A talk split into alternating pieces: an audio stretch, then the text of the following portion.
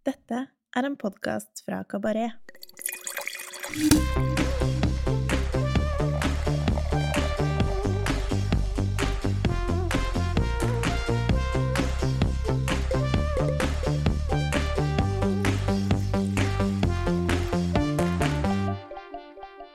Hei, velkommen til Ukas vin, en podkast fra Kabaret der vi hver uke tester én vin som vi enten digger eller har trua på. Jeg heter Tommy Andresen, og i denne episoden har jeg med meg Oskar Høld, vinansvarlig for Frati-gruppen i Trondheim. Hallo, Oskar. Hei, Tommy. Velkommen, velkommen. Tusen takk. Alt bra? Alt bra?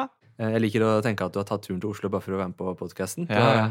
Kanskje noen andre planer òg, men eh, Jeg har litt andre planer, og nå som det har kommet ut, så kan jeg jo røpe hva som er planene. Martin Haraldsen, en av mine beste venner som er headsommelier på Credo, mm, han gifter seg neste helg. Ja, Og eh, vi skal i utdrikningslag. hyggelig. Det er grunnen til at jeg er i Oslo. Så bra. Ja, nei, Denne episoden her kommer eh, altså ut etter han har gifta seg, Ja. så det, det kan du si. Ja, ikke sant? Skal du, hva skal du gjøre mens du er i Oslo? Skal du spise noe, drikke noe ute? Jeg var en liten tur på Nektar i går. Ja. Jeg er jo kommet med hjem til Veslemøy, føltes det som. Ja, ja. Og fikk, fikk litt god vin og god mat. Der er det alltid hyggelig å være. Ja. I, eh, I denne episoden så har vi ganske masse spennende å ta for oss, egentlig. Vi skal, vi skal diskutere litt eh, rimeligere viner. Vi skal ta for oss rosévinens eh, evolusjon. Eh, men vi skal først og fremst snakke litt om Østerrike. Du har et ganske nært forhold til Østerrike, har du ikke det, Oskar? Du underviser blant annet om landet. Ja, jeg hadde noen undervisning på norsk sommelierutdannelse i, i Trondheim om Østerrike. Jeg ser for meg at Simon Simmermann kan høre på denne podkasten, og han er den ubestridte kongen av Østerrike. Ja. Det er høy, stor fallhøyde i å titulere seg som flink på et område. Men jeg føler at jeg har litt kontroll på Østerrike, og et fantastisk vinland å reise i, og så mange kule stiler og flinke, flinke produsenter. Mm. Ja, jeg har aldri vært der selv. Hvor, altså, hvor, vil du, hvor vil du anbefalt å reise hvis man skulle tatt uh, en tur til Østerrike? Kanskje det sier, Dette her sier jeg egentlig hver gang jeg har vært uh, i en ny vinregion, at det er den vakreste vinregionen som jeg har vært i. Ja. Men uh, Syd-Steiermark, helt sør i Østerrike, er helt, er helt utrolig. Det ser ut som The Shire i Ringenes herre. Det Ja. er helt fantastisk vakkert. Men så, du flyr jo gjerne inn til Wien, og da er du jo bare en time unna både Kamtal, Kremsdal og Wachau. I Wien så må du jo selvsagt opp til Nussberg, som er en eh, større sammenhengende vinmarks... eh, ja, vinmark, kan man si. eh, som ligger på en høyde rett ovenfor Wien. Wien er jo den eneste hovedstaden i verden som har ganske godt beplantet med druer. Jeg Mm. tror det er en sånn 700-800 hektar med vinmarker innad i Wien by. Det er jo Eh, helt sinnssykt. og det er dødsfett. Ja. Eh, dra opp dit, og det er der Gemistersats kommer fra, eh, for eksempel. Mm. Eh, det er en typisk sånn eh, ja, vin fra Wien. Ja, da er det gjerne samplanta druer i, eh, Det i samme vinmark. Det ikke sant? stemmer. Mm. Hvilke produsenter er det du mm, setter pris på i landet? I Østerrike syns jeg det var veldig bra med naturlig laget vin. Eh, Jeg syns det er mange produsenter som, som leverer det veldig, veldig fint. Sånn som uh, Klaus Preisinger, selvfølgelig. Eh, Nittenhaus. Um, Sepp Muster i Steiermark. Christian Schida er jeg glad i. Mm. Uh, Så du har det på den ene siden, og så har du mer klassisk, klassisk struktur i en produsent som Sattlerhoff, for eksempel, i Steiermark, som Jeg er egentlig ikke glad i Sauvignon Blad, men jeg er glad i Didier Dagenot og Sattlerhoff. Mm. Har du smakt vinene til eh, Neumeister? Ja, veldig, veldig bra. Ja. Jeg har aldri jobbet med det, eh, men ja, det jeg har smakt, har vært eh, veldig overbevisende. Ja. Og så i Kremsdal og Kampdal, med sånn syrefriske, slanke Riesling og, og Grüne Jeg er Veldig glad i Fred Loimer, eksempel. Mm. Syns lager helt strålende vin i hele segmentet fra det helt rimelige til, til toppvinmarkene. Mm. Noe av den beste vinpairingene jeg fikk i fjor, var eh, en av toppgrünerveltlinerne. Nå husker jeg ikke navnet på det, fra Feider Malberg i Wachau Mm. til en seafood platter på Reno. Ja. Eh, utrolig kul kombo fra Kristoffer. Ja. Eh, Ja, der er det kvalitet i både vinen og maten, ja, helt eh, klart. tenker jeg. Ja. For det er jo eh, regionene man kanskje først blir kjent med når man begynner Mm. å dykke litt inn i Østerrike, nemlig Wachau og Kremstad.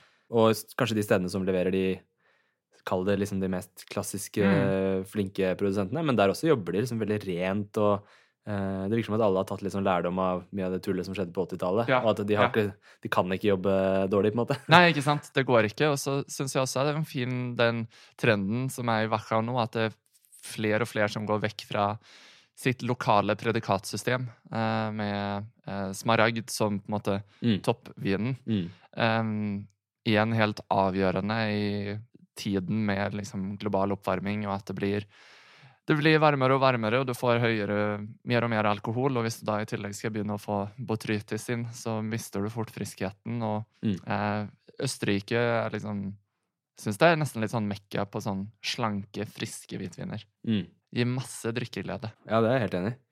Og så eh, mot Ungarn igjen så har du jo liksom Burgenland som eh, leverer en helt annen rekke med, med viner igjen. Absolutt. Hvor de røde rødvinene også Mm. er eh, litt mer eh, prominente med de lo spennende lokale druer der òg. Blaufrenkers, Sveigelt, Mm. St. Laurent.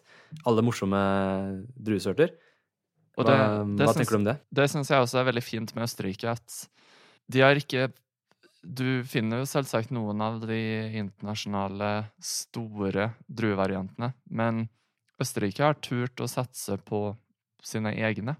Mm. Det føler jeg alltid gir sånn ekstra, ekstra identitet til et vinland. Når du, føler, når du kan stole på at det druematerialet du har, er godt nok for å lage kvalitetsvin. Mm. Jeg trenger ikke å drikke chardonnay fra alle verdens land. Nei. Det finnes noen veldig flotte varianter i, i Steiermark, eh, hvor chardonnay passer inn. Ja. Eh, det passer inn klimatisk, det passer inn i jordsmonnet som er. Men at Østerrike har satset på sine lokale druer, veldig, veldig bra. Mm. Helt enig. De er jo interessante alle sammen. Men Mm. det er som du sier, da. eh, Både, jeg syns jo både Chardonnay og Sauvignon Blanc også De versjonene du har i Østerrike, føles liksom østerrikske Ja, ja, allikevel. ja. De, Eh. de passer inn i liksom, the world of chardonnay Ja. på en eller annen måte. Mm. Det, de prøver ikke å være burgund. De er ikke tropiske som i nye verden. Det er Morillon, Ja, rett og slett. Ikke sant? Det lokale Mm. navnet på, på druen. Mm. Så der syns jeg Jeg har smakt flere utgaver av uh, både Chardonnay og Sauvignon eh, Blanc, som jeg har likt veldig godt, både fra begge Chep-brødrene, for så vidt. Både Evald Cheppe, som står bak uh, Weingut Werlich, og, og broren hans uh, Andreas Cheppe, som også lager kjempekule Mm. viner. De er ikke, ikke tilgjengelige i Norge, så vidt jeg vet, men i Danmark så er de ganske greie Ja. å få tak i. Jeg har aldri, det har jeg aldri smakt. Jeg har smakt en del Verilic, men jeg har ikke smakt uh, Andreas Cheppe. Det er, det er veldig spennende, spennende viner. Jeg, det blir ganske lenge siden jeg smakte det på Vestranden 10 for første gang. Der også er det ja, både, både Chardonnay og Sauvignon Blanc, men også noe litt sånn lokale Welsch-Riesling og Mm. uh, den type, som er, eh, det er veldig, veldig godt. Mm. Men de, eh, hvem er favoritten din av de lokale østerrikske druene? Eh, Jeg tror jeg vil si Blaufrenkers. Ja. Det er den vinen som jeg har jobbet mest med, og det er den vinen jeg har smakt flest ganger. Em, Det er en drue som jeg føler tåler Tåler mange forskjellige stiler av vinifikasjon. Eh, Jeg syns at Blaufrenkers sånn superjuicy 12 ståltank er kjempegodt. Et eh, godt avkjølt. Men samtidig så syns jeg at toppvinene til en Weingut Moritz, for eksempel, Lutzmannberg, Mm. eh, 100 år gamle stokker og masse tid på fat og mye kraftigere ekstrahering, blir en selvsagt en helt annen vin, men en like god vin. Mm. Om ikke en bedre altså kvalitativt sett kanskje en bedre vin, men en drue som kan tåle veldig mye forskjellig. Ja, jeg er helt enig. Og den tåler å bli, liksom, gå helt ned i sånn superlyse, Ja. veldig lavekstraherte, nesten liksom tette Ja, ja, ja. eh, også. Ja. Så ja, veldig interessant drue. Jeg jeg kan leve med Blaufrankers i alt fra liksom 11 til 15% og det er det, Ja. få, det er det få druer som egentlig klarer å levere. Ja, ja. Ja, for der kan liksom syra fort bli for heavy Mm. på toppen der, Ja. og eh, liksom litt syre, litt vel syrlig på Mm, bånn. Mm. Så det, ja, det er et veldig godt poeng. Jeg syns jo, jo den eh, lokale St. Laurent-druen Ja, også er det- ganske Det er kult. St. Laurent med litt alder er veldig, veldig godt. Ja, og det får man jo faktisk tak i i Norge, til og med. En produsent som heter Rossi Schuster. Eh, lager noe St. Laurenter Ja, som, ja. som du får i tror jeg fra 2013 eller noe, som Ja, kan bestilles i dag. Ja, det har jeg aldri smakt, men uh, ikke, den, uh, ikke den produsenten. Men Nei, veldig godt, altså. Det er en spennende, spennende drue som uh, har litt sånn Den også føles liksom østerriksk, men med et litt sånn eh, Det er litt klassisk å si det, men litt sånn pinot noir-aktig mm. fruktighet. ja, ja helt klart. Um, Syns jo at egentlig alle av de tre store lokale druene har noe sånn pinot noir-base ved seg. Um, ispedd noe litt mer vilt à la Syrah, eller Ja. nesten sånn Sangiovese-vibes på Mm. noen av det. Men uh, blaufrenkers føles for meg som at pinot noir og, og eh, Syrah har kost seg i sengehalmen. Ja. Og ofte så minner det Jeg syns den også har litt sånn uh, friskheten som gjør at det minner meg litt om Mondeuse fra Savoie. Ja, ja nei, men den, den ser jeg veldig, veldig godt. Eh, som, hvor jeg ofte òg føler at du har den Pinot Syrah Ja. eh, Miksen. Ja, miksen. Det er enklere å forklare Blaufranker som at det er en Pinot Syrah-miks enn at det er litt sånn som Mondøs. Ja, ja. ja. Det blir litt smalt, kanskje. Jeg, jeg, jeg hyller, jeg hyller uh, assosiasjonen og tanken. Ja. Og vinen vi skal drikke i dag, er jo en, et ganske interessant eksemplar som tar for seg litt av det vi snakker om. For det er jo en, eh, det er en eh, kall det en rosé, men laget på uh, tre lokale druesorter. Både uh, Røsler, eh, St. Laurent og Ja, eller Syrah er ikke akkurat lokal, men men er i hvert fall to da, lokale østerrikske druesorter. Og det er jo en vinstil som på en måte pusher eh, litt hva rosé-sjangeren er, kan du si. Mm, mm. For den er eh, ja, Man kan vel kalle det litt sånn et sted midt imellom vanlig rødvin og pro, kall det Provence-rosé. Mm. Den- Akkurat som du bare blander de to sammen, så får du en sånn tett, eh, tett rosévin. Eh, hva tenker du om den sjangeren, som begynner å bli mer og mer vanlig nå om dagen? Det finnes jo utrolig mye kjedelig rosévin der ute. Det er utrolig mye generisk eh, polrosé som ikke er noe særlig interessant. Eh, den utviklingen som har kommet, tror jeg er en motreaksjon på det. At man ønsker roséviner som har litt mer identitet og sjel ved seg. Samtidig så har det jo kommet i en æra hvor um, man drikker lysere og lysere rødviner. Mm. Og det, det å få en rosé med litt mer struktur, samtidig som du får en rødvin med enda mindre struktur, Mm. det jeg føler jeg er veldig naturlig at det har kommet. Ja. Eh, og Østerrike er jo kanskje toppeksempelet på den nye stilen. Eh, hvilket kanskje kommer fra at de ikke har hatt noen særlig tradisjon selv for å produsere rosévin. Ja. Rosévin fra Østerrike skal ikke se ut på et spesifikt sett. Hvis du er i Provence, så forventer du noe helt sånn spesielt om at dette her er en rosévin. Mm. Står kanskje litt mer fritt i Østerrike. Absolutt. Ja, det er helt klart. De har vært veldig flinke på å gå litt i bresjen for denne, denne stilen. Mm. Og det er jo en stil som kan gjøres interessant på, på to måter, syns jeg. Det er liksom både det å bruke kun blå druer og ekstrahere veldig lavt, Mm. eh, men også det å liksom spe i litt uh, grønne druer. Mm. Du får liksom litt annen profil, da. kanskje Ja. litt mer sånn syredrevet eh, Helt stil. Um, men begge deler går jo på en måte litt under samme kategorien og Mm. er interessante på hver sin måte, syns jeg. Ja, helt enig. Og så er det jo en eh, veldig hyggelig pris av vin, syns jeg. Den her eh, ligger på 235 kroner. Ja. Eh, noe som ikke er sånn kjempeenkelt å få finne gode kjøp i om dagen. Det virker jo som at viner som ligger på mellom 200 til 250, er liksom det samme som eh, viner som kosta 150 til 200 for fem år siden. Det stemmer eh, nok veldig bra, det, altså. Ja, nei, det er veldig gøy å finne viner i den litt rimeligere sjiktet. Det føles alltid som om man har gjort en litt sånn, sånn kupp, eller funnet, ja, sånn, yes, Jeg, en jeg føler meg flink når jeg har vært på polet og brukt mindre enn 300 kroner for en flaske vin. Ja, ikke sant? Da føler jeg at jeg har lyktes med polerunden. Ja. Ja. Og der syns jeg Østerrike også er generelt jevnt over ganske flinke til å holde prisene nede på vinene sine. Det er utrolig sjelden jeg kjøper noe som er veldig, veldig dyrt fra Østerrike. Mm.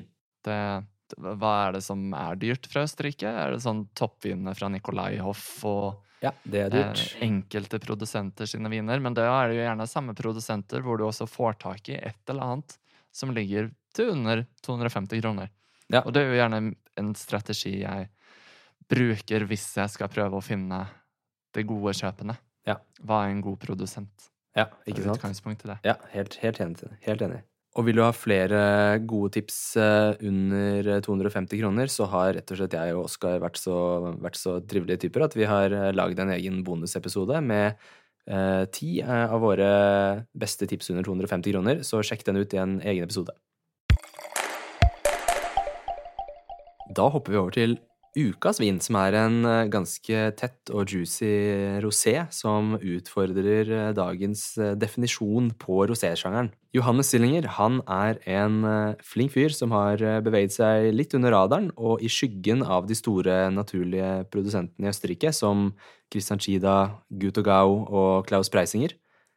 Det er det i min bok ingen grunn til, for vinene hans de er, de er strøkent håndverk med masse personlighet. Johannes Sillinger han lærte tidlig om eh, økologisk landbruk.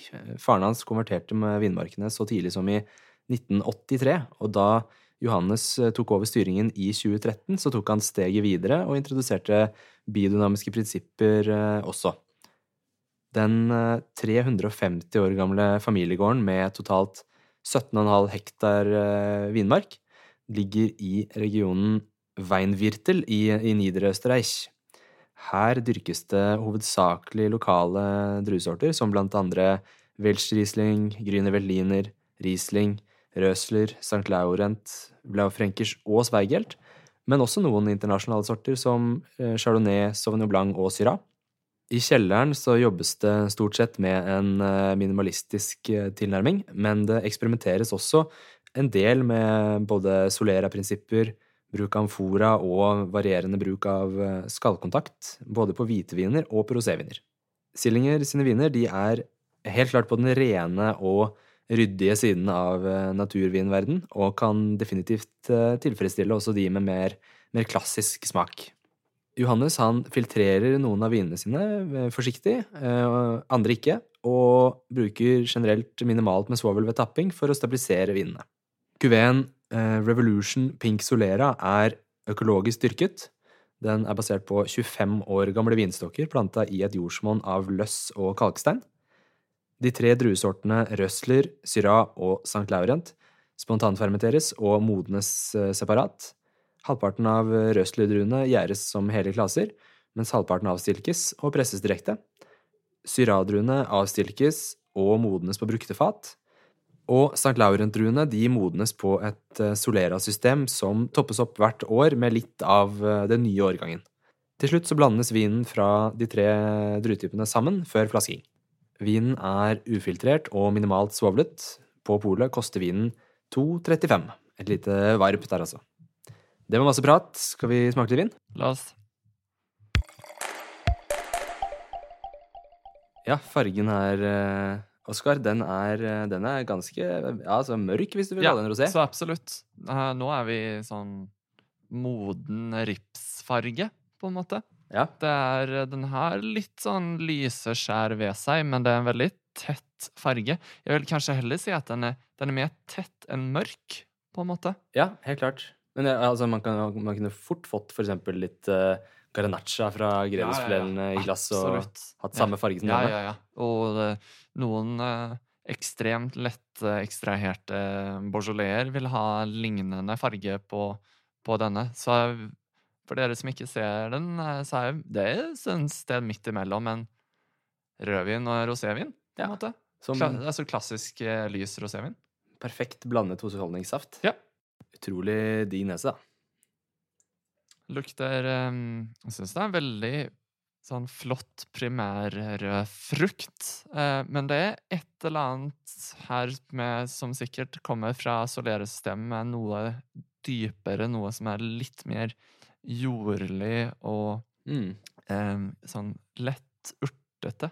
Ja, absolutt. Urter var også noe jeg tenkte på ganske umiddelbart eh, ved den her. Frukten er sånn Den er nesten litt sånn dropsaktig Mm, i ja. karakteren. Um, den er, det er en veldig lys og lett vin, men frukten er ikke nødvendigvis bare ned mot rips. Den, er, den er liksom litt Ja. uh, Det er noe som er litt mørkere òg. Ja, nesten åpenbart litt sånn bringebærdrops. Mm. Men på en veldig sånn delikat måte, da. Det høres jo ofte kanskje litt sånn varmt Drops høres jo Det høres jo varmt og syntetisk ut. Og, Ja. ja. Men det er ikke helt det man mener her heller. For det er veldig sunn og fin, eh, sunn og fin frukt. Ja, enig. Treffer veldig mye i sånn rødfruktspekteret. Det vil jeg, vil jeg si. Så i urtekarakteren så føler jeg at den er sånn relativt grønn. Mm. Det er ikke liksom sort Det er ikke noe pepper Altså sånn tradisjonell sort pepper, eller Nei. Det er litt sånn mot kanskje grønn pepper, litt nesten rosmarinaktig. Ja, urtene er liksom ganske sånn robuste Ja. uh, matlagingsurte, matlagingsurter, liksom. Ja, enig. Liksom ikke på sånn delikat mynte, uten det er mer eh, ja, gryterett krydder. Men eh, det er jo først og fremst frukten som er i fokus, for Ja. den er veldig sånn veldig delikat, eh, elegant, eh, men ikke uinteressant. Den er Nei. liksom ikke så Den er ikke så lite som skjer at den er uinteressant. Den er spennende, men den er på en måte ganske sånn finstemt, Ja. nedtona i stilen. Mm, Eh, veldig behagelig å lukte på, liksom. ja. Ikke noe prangende, vel, helt ren. Mm. Ja, det er veldig, veldig lite Det er ikke noe funk her å snakke om. Nei. Vi har vel eh, sikkert litt relativt høy terskel, begge to. Men eh, ja, det, jeg, det kan du si. jeg tror ikke at er noe funk denne vinen. Nei, nettopp. Jeg også. Hjernen min er lært, trent opp til å si at her er det ikke mye funk, sammenligna med mye annet rart. Ja. Men samtidig så har den en sånn ufiltrert karakter ved frukten, ehm, som er Jeg, jeg føler at frukten popper veldig opp i mm, Det er det er noe som nesten kunne minnet om litt sånn karbonisk massasjon, for ja, eksempel. Ja, enig. Enig. Ja, sånn eh, Mer mot knuste, knuste bær enn hele bær og Ja. Ja. ja, karbonisk er jo da, eh, for de som ikke kjenner til begrepet, en teknikk ofte brukt i bl.a. i Beaujolais, hvor eh, hele klaser blir plassert i en tank hvor druene gjerder gjærer i et lukka miljø, og hvor eh, de begynner å sprekke opp fra innsiden. Og da begynner altså gjæringen å skje inn, inni druene. Ja. Og så sprekker det litt og litt, og så, og så skjer det en, en, kall det en karbonisk mm. Eh, ofte tilføres det også litt CO2 inn i tankene Ja. eh, for å sette i gang prosessen. Og eh, den gir en veldig sånn eh, fruktdreven, nyknuste bær. Det er jo nettopp det der. liksom Nyknuste druer. Mm. Så frukten minner litt ofte om det. Ja, Enig. Godt. Veldig godt. Mm. Ja, og, altså, det er skikkelig godt. Og Mm. Munnfølelsen er så mye mer intens Ja, enn det nesa Ja, tilsier. Nå er det der hvor du får sånn lett preg av den her knuste frukten på, på nesa, så er det 100 i munnen. Ja. Føles nesten som at jeg tygger på eh, syrlige kirsebær. Eh, veldig flott syrestruktur som går mer i retning mot rips, kanskje. Mm. Um, Jeg syns det nesten smakte litt sånn eh, Nå er vi liksom, kanskje litt inne i sesongen, ja, men du vet når du liksom biter i et sånn gravensteineple, og du får skikkelig sånn derre ja. rødt høsteple. Ja, ja. Nesten litt mot der. Mm. Men det er kanskje syrligheten, syren, ja, som gjør det. Det kan fort være. Mm. Men ja, og, og kirsebær og bringebær og liksom masse forskjellig rød frukt. Men det er virkelig frukten i fokus her Ja, også. helt klart. Og jeg fikk egentlig ikke veldig mye av de kryddernotene som jeg fikk på, på nesa i munnen. Her er det ren, ren rødfruktsfest. Ja. Veldig sånn behagelig struktur, syns jeg. Ja. Jeg syns at det her er Det her er klær 11 veldig, veldig fint. Ja, absolutt. Ja, for det er jo en um, Det er en veldig sånn fjærlett og elegant Mm. vin, men som har masse fruktkonsentrasjon. Mm. Og det at den, den har jo tilnærma null tanniner, Ja. Ja, Å snakke om. Ja. Eh, så har den allikevel liksom masse, masse personlighet Mm. og karakter og jeg vil, jeg vil si at den har litt, litt kompleksitet, selv om Ja, den på en måte. Det er ikke en kompleks vin, men den har liksom litt, litt sjel og litt sånn nerve som gjør at den er spennende. Det er ikke endimensjonalt fruktig, det vil jeg ikke si. Nei, Jeg føler at den treffer ganske mye innafor det inn, For så vidt innafor det samme spekteret av frukt, men det, det føler jeg er vanlig uavhengig kvalitet, på en måte. Ja. Og så er det en vin du Du har virkelig lyst på en ny slurk. Det er sånn, Ja. det er avhengighetsskapende. Du har skikkelig lyst på en ny slurk. Jeg tror det er veldig viktig for denne vinen å ikke ha rosévins lav temperatur. Jeg tror at Ja. du trenger å være litt opp i temperatur sammenlignet med en ja, eh, provansk rosévin som du kan drikke som en hvitvin. Ja. For å virkelig få frem fruktbildet her, så ville jeg kanskje lagt meg på et sted åtte, kanskje? Åtte til ti? Ja. Ja. Og ja, den kan nesten sikkert tåle enda mer òg, litt opp mot tolv. Men altså begynne, begynne på rundt åtte, da. Ja, ja, ikke sant? Jeg føler at uh, nå drikker vi den kanskje på rundt der. Ti? Åtte-ti? Et sted der. Det syns jeg er en veldig passende temperatur. Ja. Så hvis uh, tar den eh, ut fra kjøleskapet litt før du skal, før du skal drikke den. Ja, absolutt. Og jeg tenker at den, den kommer til å endre karakter etter hvert som den blir varma opp. Ja. Uh, uh, den vil nok sikkert oppleves på en måte på bare litt forskjellige måter. da, Mer friskhet og liksom uh, umiddelbar, sånn, ren, frisk frukt. Uh, i, nå har vi, har i et uh, Salto universalglass. Det føles ganske passe. Ja, enig. Du kunne sikkert kjørt den i større glass òg, men det er mulig han blir liksom litt At den ikke har den samme friskheten. Jeg, jeg vil nok holde, holde den størrelsen på glasset som vi har her. Jeg tror jeg vil miste litt nerve i et større glass. Mm. Altså, det føler jeg nesten gjelder en del rødviner i litt sånn eh, lysere segment også, ja. At de ofte fremstår liksom nesten bedre i et, kall det et hvitvinsglass. Ja, ja, Eh, enig. Salt Universal som vi kjører her nå. Hvis man tar et Beaujolais som et eksempel, så vil en lavekstrahert eh, vin på 12% passe veldig fint i et eh, lysere glass, og det er først når jeg begynner å nærme meg 13,5 med kanskje litt fatbruk, hvor jeg vil gå over i en burgundkupe, for Ja, eksempel. Ja, for det er jo sånn ofte det man hører i sånn skole... Eh, eksem, eksempler på bruk av glass til ga med, så er det liksom store klokker. Ja.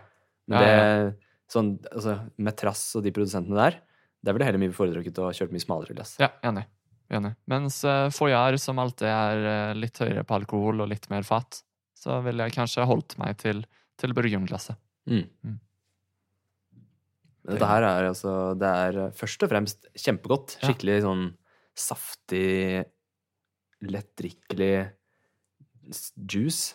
Helt, helt enig. Hva, hva tenker du om eh, eh, denne stilen i Østerrike? Du har Guttergau, Christian Schida, Preisinger, som er veldig kjent for sånn her type rosé. Tror du at folk som drikker de vinene, ville vært happy med stillinger? Ja, absolutt. Ja. Jeg syns jo eh, han godeste Chida har jo en eh, direkte sammenlignbar vin i den vinen han kaller for Birdscape, Ja. eh, Pink Maceration. Eh, som i Det er jo samme, samme greie, liksom. Bare at denne koster halvparten, Ja. cirka. Ja, jeg er helt enig. Jeg er helt enig. Det Kvalitet versus pris, så syns jeg han leverer vel så bra som de store navnene der. Han har bare ikke den samme, eh, samme markedsføringstyngden bak seg, og det er liksom ikke blitt hypa opp like mye. Ikke et, eh, ikke et fjes på etiketten, nei. Nei, Nei. ikke sant? Men uh, sommerfugl på etiketten, da. Ja, ja, er Tegnet jo av uh, han som er direktør for Kunsthøgskolen i Wien, faktisk. Å, ja, ves, ja vel, ja. Det er en fin fun fact. Han husker jeg ikke navnet på, men det spiller ingen rolle. Nei, men det er en eh, Jeg syns det er en, eh, en produsent som fint kunne blitt dratt opp i samme, samme mm, gate som de navnene vi nevner der, altså. Det, det er jo stilmessig ganske likt. Mm. eh, Litt renere enn for eksempel Chida. ja. ja. Men kanskje mer sammenlignbart med Preisinger, da. Ja, det vil jeg si. Enn Ja. med Chida Ja. og Gutogau. Ja. Eh, Men definitivt på samme linje kvalitetsmessig. Mm. Hva tenker du selv? Jeg er helt enig. Og jeg drikker heller to flasker av det her enn kanskje en flaske av noen av de andre som vi har snakket om nå. Mm. Uh, uten, å, uten å disse de, så syns jeg at det her, til den prisen som uh, stillingen ligger på, foreløpig i hvert fall, Ja. helt utrolig. Ja. Veldig, veldig bra. Skikkelig bra. Helt enig. Supergodt. Nei, men så kult. Det er, eh, det er alltid hyggelig å drikke litt uh, tett rosé. Uh, når skal den Den navnet der må jobbes med, merker jeg, sånn fra Ikke bare Vinmonopolets side, men uh, alles side. Det er jo altså rosévin, hva er det for noe? Det er jo ikke det, er jo ikke det dette her. Nei, det er, Mm. nei, det er jeg helt enig i. Men Rosavin? Lett rødvin? Veldig godt spørsmål. Jeg tenker sånn if you know, you know. Ja. Og det går helt fint for meg at ikke hele verden vil drikke Sillinger, sånn at prisen kan forholde seg på samme nivå. Ja, det er et godt poeng. Ja, det er et veldig godt poeng. La det, la det nå hete rosévin. Ja.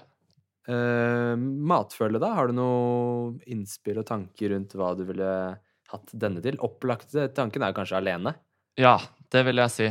Uh, jeg har med hell brukt uh, en del sånn her type rosévin til tartar Ja. På, i en restaurantsetting.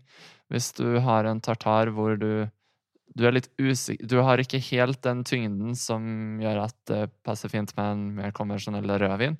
Eh, samtidig som det blir feil i fruktbildet med hvitvin til maten.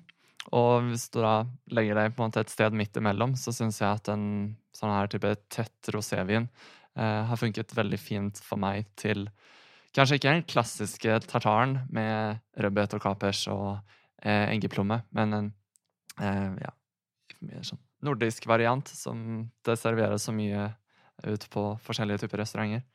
Hva kunne man mer ha brukt, da? Jeg syns det er litt vanskelig vin å Ja, nei, men jeg tenker at det, sånn, det tåler ganske mye, men det er liksom kanskje verdt å eksperimentere litt. Eh, noe jeg tenker at sikkert ville passa helt fint, er liksom typ sånn bare litt charkuteri og diverse oster eh, og sånn. Eller mest charkuteri, ikke så mye oster, men mest charkuteri, da. Tror jeg vil funke bra. Sånn, gjerne sånn Mm. franske rustikke pølser og sånn. Ja. Veldig lyse kjøttretter Mm. med litt syre og frisk, eh, friskt touch. Ja. Bare noe grilla lyst kjøtt og en skvis med sitron. Ja, absolutt. Kanskje også litt sånn Jeg vet ikke. Grønnsaksretter er kanskje litt sånn vanskelig.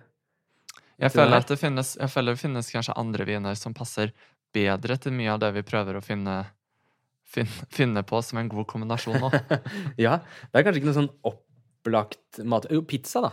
ja, pizza. Absolutt. Sånne veldig enkle ting. Ja. liksom. Kanskje noe pasta. Ja. Den Ja. vil kanskje ha litt samme effekten på som for eksempel en, en Altså, ikke nødvendigvis helt, men altså en lambrusco. Grunnen Mm. at den funker til en pastarett, for eksempel, da, Ja. Enig. har vel kanskje litt samme Ja, det er et godt poeng. Så litt sånne lette, enkle pasta-pizzaretter. Ja. Men jeg synes det hørtes veldig spennende ut med tartar. alene. Men også, ja, aleine er liksom det første jeg tenker Ja, på. Sånn helt klart. Ja. alene. Alene, lett avkjølt ute på Gjerne om sommeren. Mm. Men uh, absolutt en rosévin som tåler eh, litt høst og Ja. faktisk vinter også. Jeg tenkte akkurat på det. Kanskje, altså, sopp er sikkert ikke Ja, feil. ja, Sopprisotto, kanskje, ja, for eksempel. hvorfor ikke? Er mye forskjellig, og det er jo kanskje der denne kategorien kommer inn som nærmest revolusjonerende i rosévinsverden, at det er faktisk mulig å drikke om vinteren, og at det skal gi deg noen Jeg, jeg syns ikke at det er særlig stas å sitte en kald vinterdag i februar og drikke rosévin fra Provence, Nei, det men jeg sitter gjerne og drikker dette her, Enig. Ja. enig. Q1 heter jo Revolution. Ja. Pink Solera. ikke sant? Det ligger noe i navnet. Det kan være det, altså. De har jo også en veldig spennende kuvé som heter Numen Rosé, hvis Mm. man vil gå litt opp i uh, pris, eh, og ikke har noe imot det. Så er den, den er lagd på 100 St. Laurent. Mm.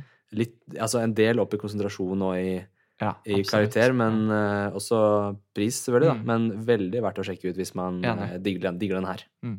Supert. Takk for eh, eh, i dag, Oskar. Det ble en veldig eh, fin episode. God vin. Følg med i neste runde. Da tester vi et eh, lagringsdyktig røverkjøp fra Muscadet.